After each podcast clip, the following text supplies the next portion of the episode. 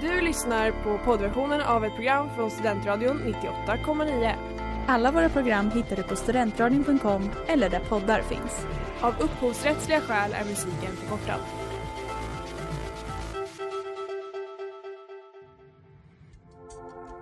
Letar ni efter någon som verkligen kan hudvård? Då är Lemors klinik något för er. Vi erbjuder våra kunder estetiska behandlingar för hudförbättring, hudföryngring och revitalisering. Hos oss kan du bland annat behandla dina akneär och vi erbjuder även laserhårborttagning såväl som fettreducering. Ni hittar oss på Skolgatan 49 eller på vår hemsida lemors.se. Välkomna! Smeds, Cross och Entreprenad är en stolt sponsor av alla sändningar och program här på Studentradion 98,9.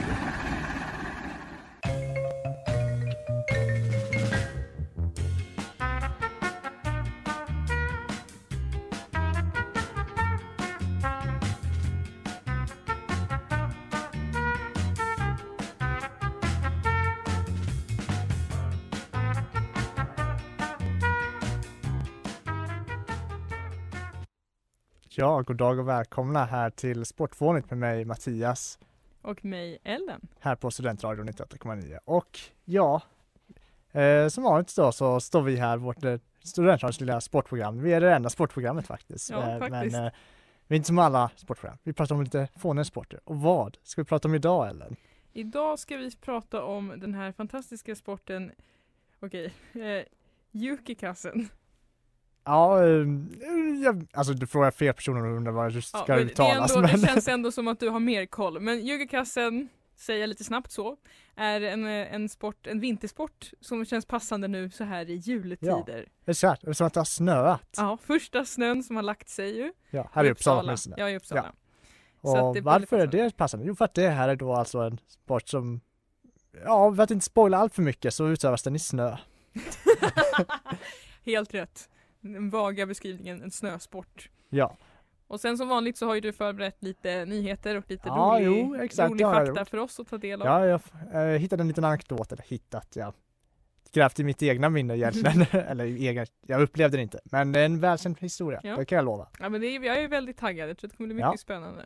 Men fram tills dess så får väl alltså, eh, säga att det blir lite en cliffhanger på att eh, det handlar om snö idag och vinter.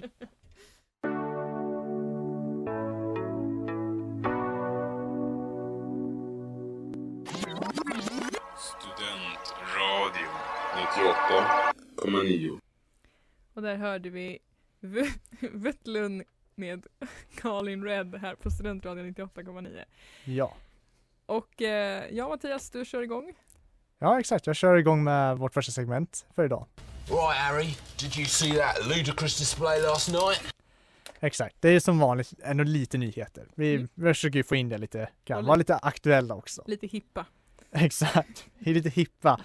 Jag vet inte vad det är så hippt, men eh, för, Säg inte att det är en jättehemsk nyhet nu. ja, hemskt vet jag inte, men eh, Ja, okej. nu i veckan såg jag en artikel nämligen som eh, berättade då att Litauen har kvalat in till handbolls-EM då i januari. Kul, grattis. Ja, tyvärr så kanske de inte kommer få vara med för de har inte råd. Oj, okej. eh. det, det var ju lite tragiskt faktiskt. Ja, Men för- så de har kvalat in, men de... Ja exakt, de har Ja. kvalat in till mästerskapet då men tydligen så har liksom den litauiska, eller vad heter det? Jo, litauiska Mm. eh, handbollsföreningen, vad säger handbolls, vad heter det?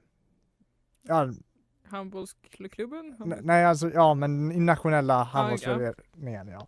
De har inte råd för tydligen så eh, är sporten finansierad av staten väldigt mycket då i Litauen, alltså det är väl överallt men här är det då tydligen väldigt, de är väldigt, väldigt beroende av Mm. staten och eh, av statliga medel och staten kommer inte skjuta till mer pengar till handbollen Oops. förrän i april nästa år. För, och pengarna från 2021 har redan gått ut, eller gått åt menar jag. Bland annat till eh, U17 EM för damer som Litauen arrangerade. Och eh, ja, vad var det mer? Det var också så här, ja, överlag det kommer kosta för mycket helt enkelt att ha det för att de ska ha massa upptakter och liksom bara Ja men så nu liksom när de har chansen att vara med här så kommer de inte kunna klara det. finansiellt alltså. Nej, inte om de inte får in mer pengar liksom. Det är ju jättesorgligt, gud vad tråkigt och de som har jobbat hårt för Ja. detta. Och det här är också första gången de kvalat in sedan eh, 1998. Men oj, jag hade trott att staten skulle prioritera det då. De har en chans. Ja, det kan man tro, men tydligen Nej. inte. Och jag försöker hitta lite snabbt, för jag kommer inte ihåg exakt, men tydligen då så eh, de håller fortfarande på att betala av på skulder som uppkom när de eh, deltog i två raka mästerskap, eh, VM 97 och EM 98. Så de är Eh. liksom fortfarande skuldsatta från den tiden. Jag, vet, jag tror inte att jag uppskattar hur dyrt det är med sport. För det här verkar ju väldigt kostsamt för att Alltså jag antar att om de åker på EM behöver de väl inte jobba, alltså vara på en egen plan eller? Ehm, nej, men det är fortfarande mycket så här kostnader som är transport dit och Ja, okej. liksom man måste ha så här sammankomster innan och så vidare. Det, det går ihop liksom. Det, det är faktiskt förvånansvärt dyrt tror jag. Ehm, Ja, det var tråkigt att höra. Men eh, de jobbar på det vet jag. Lycka till ja, Litauen! exakt. Lycka till Litauen.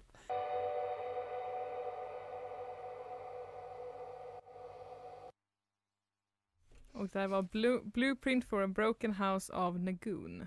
Och ni lyssnar på Sportfånigt här på Studentradion 98,9. Ja, Och vi har kommit fram till den cliffhangern. exakt. Cliffhanger på vad det är för sport idag. Och det är ju, ja, ifall eh, ni eh, vet så är det snöat här i Uppsala. Till Mm. slut, måste man ändå säga. Och det, vi, vi har inte riktigt plats för att göra det nu skulle jag säga, inte tillräckligt mycket snö, men snöbollskrig. Precis. Och det, det är ju det man vill göra när det snöar. Och gissa vad? Det finns en, jag vill säga semi-etablerad sport som faktiskt går ut på snöbollskrig. Precis. Eh, det är ju den inte så välkända sporten Yugikassen. Eh, som är japansk i grunden och då menar jag alltså snöbollskrig i sig är väl inte japanskt men den här, just den Ja, här nej. formen liksom, av formellt tävlingsarrangemang är då japansk. Ja, de, de började med det helt enkelt. Ja.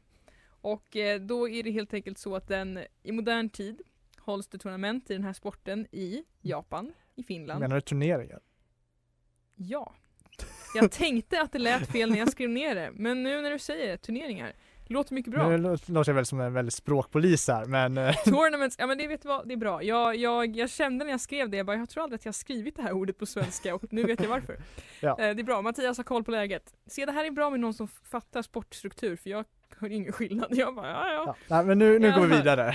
Japan, Finland, Norge, Sverige, då framförallt i Luleå och liksom Luleå universitet. Ryssland, Alaska i USA alltså, Armenien, Kanada och Australien.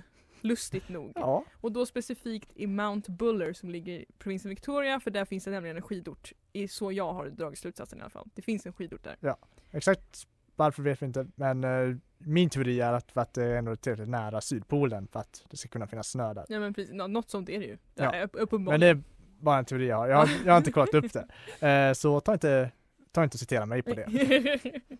eh, och så ordet då kommer ju från den japans, då två japanska ord, yuki som betyder snö och kassen som betyder strid då, eller battle på engelska som jag översatte till strid. Ja. Så i princip snöstrid, eller Snöstrid. snöbollskrig, eller Ja. snökrig. Ja. Snökrig, precis. Och då snöbollskrig. Så det är väldigt logiskt alltihopa. Men eh, hur spelas det då? eller? Ja, det är så det spelas är att det är två lag. Eh, och vissa säger att det är tio spelare i varje, andra säger att det är sju spelare i varje. Men det är i alla fall två lag med, sju till tio spelare i varje lag. Och det spelas då på en plan, en spelplan. Och det man gör är helt enkelt att man ska försöka ta det som liksom capture the flag-aktigt. Man ska försöka ta det andra lagets flagga. Men man ska inte själv bli träffad av snöbollar. Blir man träffad av en snöboll från motståndande laget så åker man ut. Ja. Så det är inte svårare än så egentligen. Nej. Eh, och då har de på den här planen då så finns det ungefär, i Luleå har de eh, ungefär så har de standard var typ sju snövallar som man kan gömma sig bakom på varje plan. Så att eh, spännande är det. Kul låter det dessutom.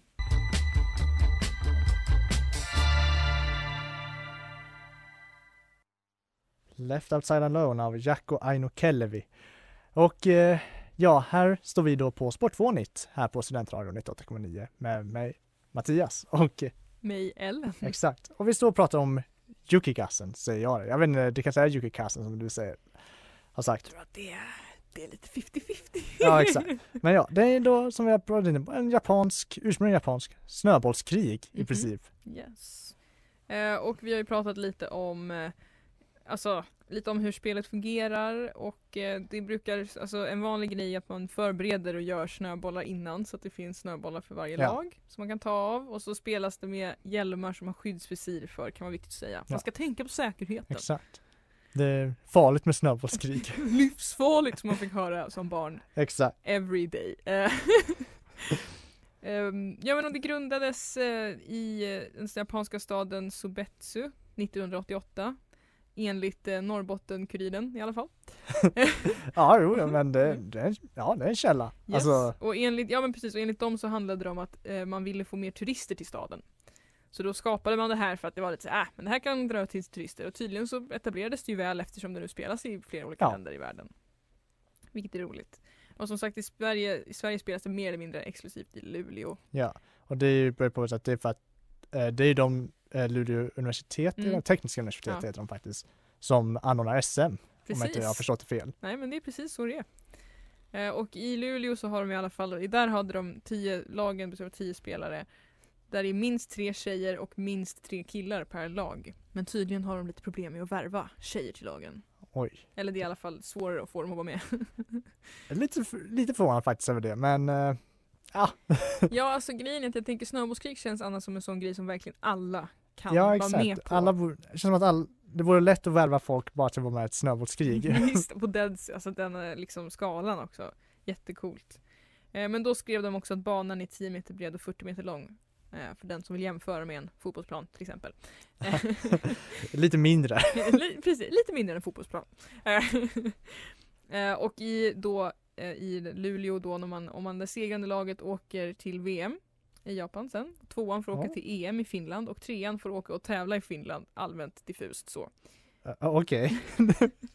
bara i en finländsk tävling Ja eller vad? precis, men det Ja. känns ändå, Finland känns ändå som ett land som skulle kunna ha liksom bra, bra koll på den här typen av sport liksom. Ja, jo. Men i och för sig, det gör ju för sig Sverige också. Fair enough, men Ja, för svenska, men så det är i alla fall, det är kul, det utförs lite här blandat, spritt i världen och eh, jag tycker i alla fall att det här är en sport jag verkligen skulle vilja prova någon gång.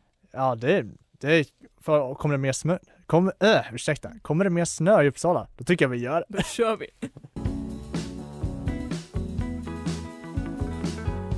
Jag heter Håkan Juholt. Jag hoppas att du inte missar Studentradions sändningar 98,9. Lyssna på den, du lär dig alltid någonting. Ja, och nyss hörde vi Waiting of Tops här på Studentradion 98,9. Och ja, vi står här då här på Sportvarning och pratar om Yukigassen. Vi har pratat lite grann om den här underbara sporten som i princip är ett organiserat snöbollskrig. Precis! Kort och gott. Ja, och ja, man tänkte ju då kanske att man ska fråga liksom, Ellen, vad har du för erfarenheter av snöbollskrig? Ja, som jag tror att många har ju varit med om det att man på typ lågstadiet hade snöbollskrig och så var det alltid så här, så fort snön föll, läraren alltid så här Tänk på att det är mycket farligt med snöbollskrig, ni kan få sten och glas i ögonen och bli blinda och dö. Glas eh, har jag aldrig jag hört. hittade men, på eh, det. Ja, Men det är liksom den, den andan. jo, jo, men absolut. Det, det hade vi ju exakt på min skola också. Det Mm. var ett, ja, jag skulle inte säga strängt snöbollskrigsförbud, men ja, det var ett snöbollskrigsförbud. Det var ett officiellt Ja, snöbollskrig. sen eh, kan man ju medge att vi som barn ändå utövade ett x antal snöbollskrig. Ja. Eh, Nej men man gjorde ju det, jag tror att liksom så här, fem- 50% av lärarna är också så här, ja ah, men kom igen, de får köra typ. Det är lite så, jag känner att det är alltid lite delat, alltså de säger ju alltid att man inte får, men sen är det alltid några som ändå är lite såhär, Ja. turn Men-. Men frågan man, man kan ju undra dock, alltså argumentet var ju alltid att det är farligt Mm. med snöbollskrig. Hur farligt känner du egentligen att det verkligen är? Alltså, jag förstår argumenten bakom det. Och för de har ansvar för alla och det är omöjligt att ha koll på alla barnen. Och sen förstår jag också om det är så att folk som inte vill vara med, om de blir indragna och blir ledsna, att det är mycket att ta hand om. Men generellt tycker jag att det är överdrivna risk, risk vad heter det, uppskattning. Ja, jo, Det är liksom samma, det har väl, det har ju aldrig hänt typ. Alltså jag menar, när, nu så att andra delar av snö- snöbollskrig jag har erfarenhet av är här i Uppsala med mina vänner, bland annat Ja, Mattias. Och då annat har mig. jag skadat mig, framförallt för att jag har halkat. inte Ja, för jo. att jag har fått sten i ögonen. Så att jag tänker Nej. att, det var ju din egen klumpighets Ja. fel helt enkelt. Precis, så att jag tänker att eh, eh, jag tycker att det är en överdriven riskanalys skulle jag säga. Ja. Samtidigt så, alltså absolut. En, eh, jag kan tänka mig att, du vet en sån här riktig eh, slask ja, ja. ja. isboll liksom skulle kunna med rätt kraft, ja det skulle definitivt kunna eh, orsaka någon liten skada. Det gör ont om inte Ja, definitivt det. Så man förstår ju ändå kanske, som du säger, man förstår ju varför de kanske ja, hade den liksom argumentationen. Men som barn köper man inte riktigt den och man, Nej, och det är ju ingen som kör snöbollskrig i slask. Alltså man vill ju Nej. ha snö. ja, ja, Så att jag tycker om de nu är så rädda för det så kan man väl bara, inte vet jag, inte ha grus på skolgården. Jag vet inte, det lät jättedumt när jag sa det högt. Men alltså, jag känner Ja. att det, det och jag menar de flesta skolgårdar, eller de flesta skolgårdar skulle jag säga är ändå tillräckligt snälla. Visst, barn är, kan vara hemska, men Ja. barn är sällan, jag skulle säga att folk sällan medvetet bäddar in grus i sina snöbollar. Då vet man att det är ett psykopatbarn man har att göra Ja. med. Exakt. Men överlag så ändå, ja, snöbollskrig, ja det kanske kan vara farligt men vi tycker ändå som ba- barn bör ändå få leka snöbollskrigen och det tror jag nog alla kan hålla med om. Jo men jag tror det alltså.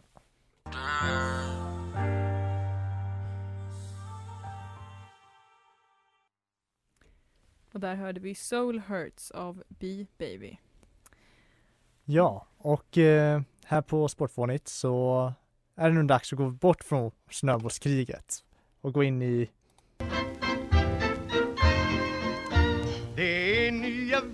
vindar i fotbollsnationen Kanonen från Dalom sparar ej på sitt krut Det förflutna. Exakt, jag var också på väg att gå till det. Men eh, Jag ber ja, om ursäkt, jag var, jag var så taggad. ja. Men eh, vi går inte allt för långt bort än, för det är ändå en vintersport vi ska prata om. Eller i synnerhet en händelse i vintersport. Nämligen Steven Bradbury, australienare, som, oj, som tog eh, OS-guld. Du, du, du, du. Har du någonsin hört talas om ett OS-guld från Australien i vinter-OS eller? Eh, nej, det har jag inte. Det är inte så vanligt, eh, tror det eller ej. Som vi konstaterade innan är det inte Australien man associerar med vinter direkt. Nej, det är det ju inte. Och Steven Bradbury då så, han är då, var föddes då 14 oktober 1973 i Camden, Australien. Eh, man tävlar då i short track, alltså ehm, ja du vet nog inte riktigt vad det är men det är liksom skridskor på Mm. så här bana, man åker runt i Ja, Mm. skridskoåkarna åker runt och man, det går ut på att komma först i mål Ja. helt enkelt. Ganska simpelt, men eh, ändå kul sport. Mm. Och faktum är att som eh, 17-åring så deltog Bradbury i det australienska shorttrack-lag som 1991 vann VM i stafett faktiskt. Nämen. Ja, det var då stafett och det var inte individuellt Ja. guld, men ändå, de vann ändå VM, VM i stafett. Ehm, och det, det var då det första VM-guld för Australien någon mer betydande vintersport för övrigt. Ehm, Stark insats. och sen, tre år senare tog han OS-brons i lagtävlingen vid olympiska spelen 94. Nämen. Så jag menar han, Vilken han, snubbe. Ja, alltså han, han hade ändå en viss liksom lag, eh, ja, framgångar. Men det som ändå har gjort honom känd, att han, eh, ja, hans individuella framgångar, som för det mesta absolut, det uteblev eh, rätt mycket individuella framgångar i hans karriär. Men han hade en grej. OS-guldet 22, eller 2002 i Salt Lake City. Ja. Dun, dun, dun. Och faktum är att, jag har läst på lite och faktum är att det första kvalet, eh, alltså man kvalar ju in liksom eh, i olika omgångar fram tills man kommer till finalen då. Eh, förklarar jag lite för Mm. dig här då, ja. Ja, jag är med, jag hänger med. ja, bra. Eh, och han vann tydligen då första liksom så här heat-kvalet, ganska enkelt. Han kom, fick en bra tid och så. Men han blev typ rankad och lottad i kvartsfinalen eh, tillsammans med eh, favoriter, eh, favoriten från värdnationen, det vill säga USA då, Mm. eh, och den regerande världsmästaren. Oj då. Eh, så det såg Ingen ju, press. nej exakt, såg ju inte så lovande ut för honom. Men, eh, och endast, eh, det var bara topp två också som kvalade till nästa Ja. steg. Men han, eh, och han kom trea. Men han kom ändå vidare för att eh, världsmästaren blev diskvalificerad på grund av, eh, vad heter det, obstructing another skater. Alltså, eh, troligtvis inte med mening, men liksom ja, han råkade liksom köra in i en annan. Men Oj! Ja, så han hade lite tur. Ödet sa Exakt. nu är det dags för Australien här. Exakt. Och eh, roliga är att, ja i och för sig resten kanske kommer snart här faktiskt för eh, vi börjar få lite ont om tid. men eh, Ja, Ja. men det är fortsättning följer exakt, helt med lite tur så kommer han ändå vidare till semifinalen.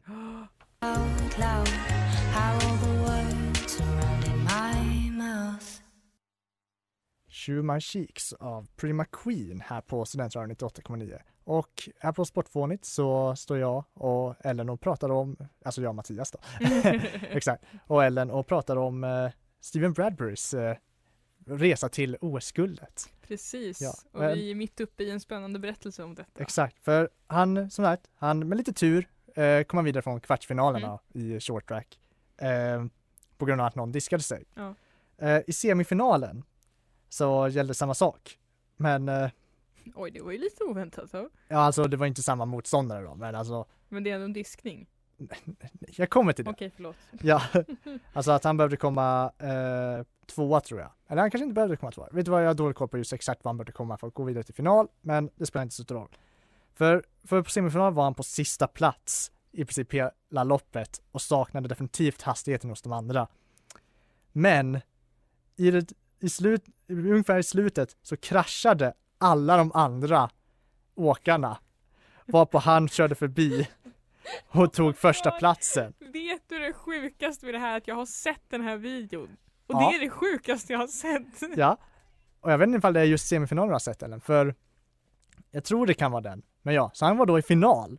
Den här australienska åkaren. Och han har en, han, det här var också tror jag hans sista OS, för han, alltså han var ändå ganska gammal då. Alltså det här är ju sjukaste turen. Ja, ja. Det blir bättre eller? För i finalen så börjar det ungefär precis som semifinalen. Alltså han, han hänger med klungan. Jag har sett det här Mm. på bild så jag får inte, jo jag var född då, vad jag visste. Men eh, ja, jag var för ung för att se det här. Ja. Men han, han hänger med klung, hängde med klungan ett tag, men han är ju sist i princip hela finalen. Ja. Men, och ju längre finalen går så ko- kommer han längre och längre ifrån det. är Tydligt han har inte farten som krävs för att tävla om guldet. Men i sista, absolut sista kurvan i finalen. Så tar en av de andra åkarna ett snedsteg och trillar och vilket får resten av hela, Det här är det sjukaste! och får, alltså- det får hela resten av, eh, vad heter det? Ja, Alla andra åker. alla andra tävlande trillar varpå han glider förbi häpen och lyfter sina armar i luften för han har vunnit OS-guld. Alltså det här är det sjukaste storyn. Skämtar du eller? Så både i liksom semifinal och final. Ja, Men alltså, Och Den- som sagt, notera att anledningen till varför han ens var i semifinal var för att en annan diskades. alltså det här är det sjukaste turen jag någonsin har hört. Ja. Den här killen har ju, det är någon slags här, magisk aura kring honom. Det här var då Australiens första guldmedalj i vinter-OS. Eh, jag tror, jag för mig läsa någonstans också att det var första guldmedaljen från ett lag från, eller från någon från södra halvklotet också. De behövde divine intervention för, att klara det. Och det roliga är också att, eller roliga roliga, men det var inte bara liksom att han var sämre än de andra. Alltså absolut, han var nog kanske inte lika snabb som de andra egentligen. Men det var också typ en medveten taktik från hans och hans tränares sida att Att han skulle hålla sig tillbaka. Ja, för att de visste att du, ja, du kan inte liksom Mm. egentligen nå samma hastighet som dem, de är bättre. Men om något Så- händer. Ja, exakt, så det bästa chansen för oss att vinna är ifall någonting händer, för det här är ändå en sån sport, så här, saker går fort och det är ganska lätt hänt att någon trillar. Men alltså! Bitterheten hos de Ja. andra. Ja, de resonerar då liksom att det var just eh, riskfaktorn hos de andra då, att de alla, Mm. de misstänkte att alla andra ville vinna guldet och skulle inte försöka med någonting annat. Och de räknade med det och att de därmed skulle riskera att trilla. Och det gjorde det, så deras taktik lyckades. Det här tycker jag ändå är, det här är en klockren taktik för det är ändå så här, man förlitar sig ändå på de andras ambition. Ja. Och Och- sen inser sina egna begränsningar och så spelar man utifrån det. Det är ju mycket slumpen också. Hade de inte trillat hade han inte vunnit. Ja, men, nej, nej. men det är ändå så Och- roligt. Att, att göra den här taktiken också har faktiskt, eh, är faktiskt ett begrepp numera. Det kallas att göra en Bradbury. För eh, ja, eh, att göra en Bradbury är att kunna nå en oväntad framgång genom att från en undanskymd position undvika masskrascher längre fram i startfältet. Det här är så kul. Mannen, myten, legenden. Ja. Vilket arv han har lämnat. Absolut. Så liksom, ja, det blir, det, han är lite, han jämförs ofta med så här Eddie the Eagle som vi Mm, pratade om i förra ja. programmet. Att, I den meningen att han är en total underdog, till skillnad från Eddie the Eagle dock så faktiskt lyckades ju han. ja. Men så får man lite samma story, han är en total underdog, men på något sätt når han oväntad framgång och blir ändå lite av en folkhjälte i många ögon. Och det tycker jag han förtjänar med den turen. Ja.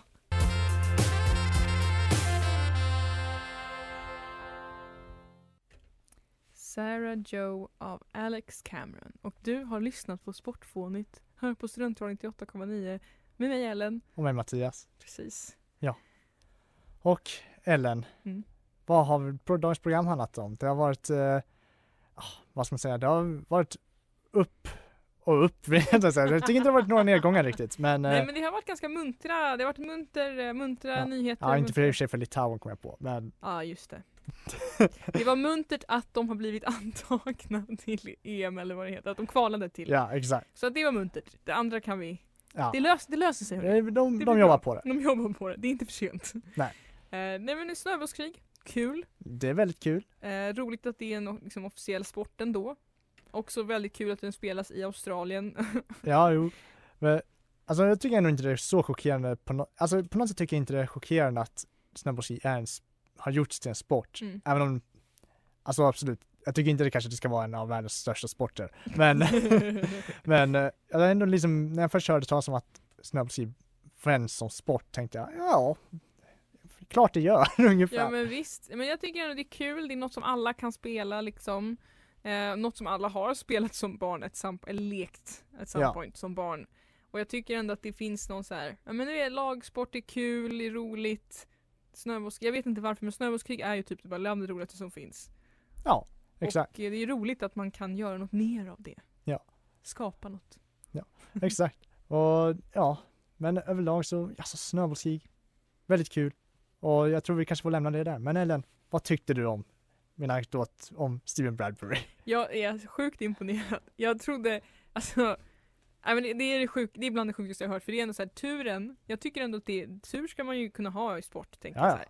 Också att han Man måste nästan ha det till ibland. Ja men alltså det här, den här typen av tur Det är nästan som man börjar tro på ödet alltså. För att, för att, liksom, att just att alla ramlar i både semifinalen och i finalen och att hela anledningen till att han kom till semifinalen var för att en världsmästare blev diskvalificerad. Alltså det är bara så här, det är så mycket tur så att det nästan är obehagligt. Ja, det, det, är, det håller jag med om. Alltså, Han skulle ha köpt en lott den helgen, han har blivit miljardär. antingen dels så hade hans tur läckt ut liksom när han vann guldet i och för sig. Jo det är i och för sig sant. Men, ja, men För det är så tur funkar. ja, 100 procent. Ja. Men eh, alltså även om Steven Bradbury såklart, vilken historia ändå. Alltså jag älskar ändå den historien, hans underdog-historia. Måste ändå säga att vi ska inte uppmuntra att man bara ska satsa på att ha tur ändå. Jag tycker ändå man ska jobba för det ändå. Jo men han jobbade för att För- komma dit. Ja, ja, det gjorde han, absolut. Men det ska man inte ta ifrån honom. Han jobbade hårt för att komma dit. Ja. För, för att citera Ingmar Stenmark, ju mer man tränar, ju mer tur har man. Tack för oss. Du har lyssnat på poddversion av ett program från Studentradion 98,9. Alla våra program hittar du på studentradion.com eller där poddar finns. Och kom ihåg, att lyssna fritt är stort, att lyssna rätt är större.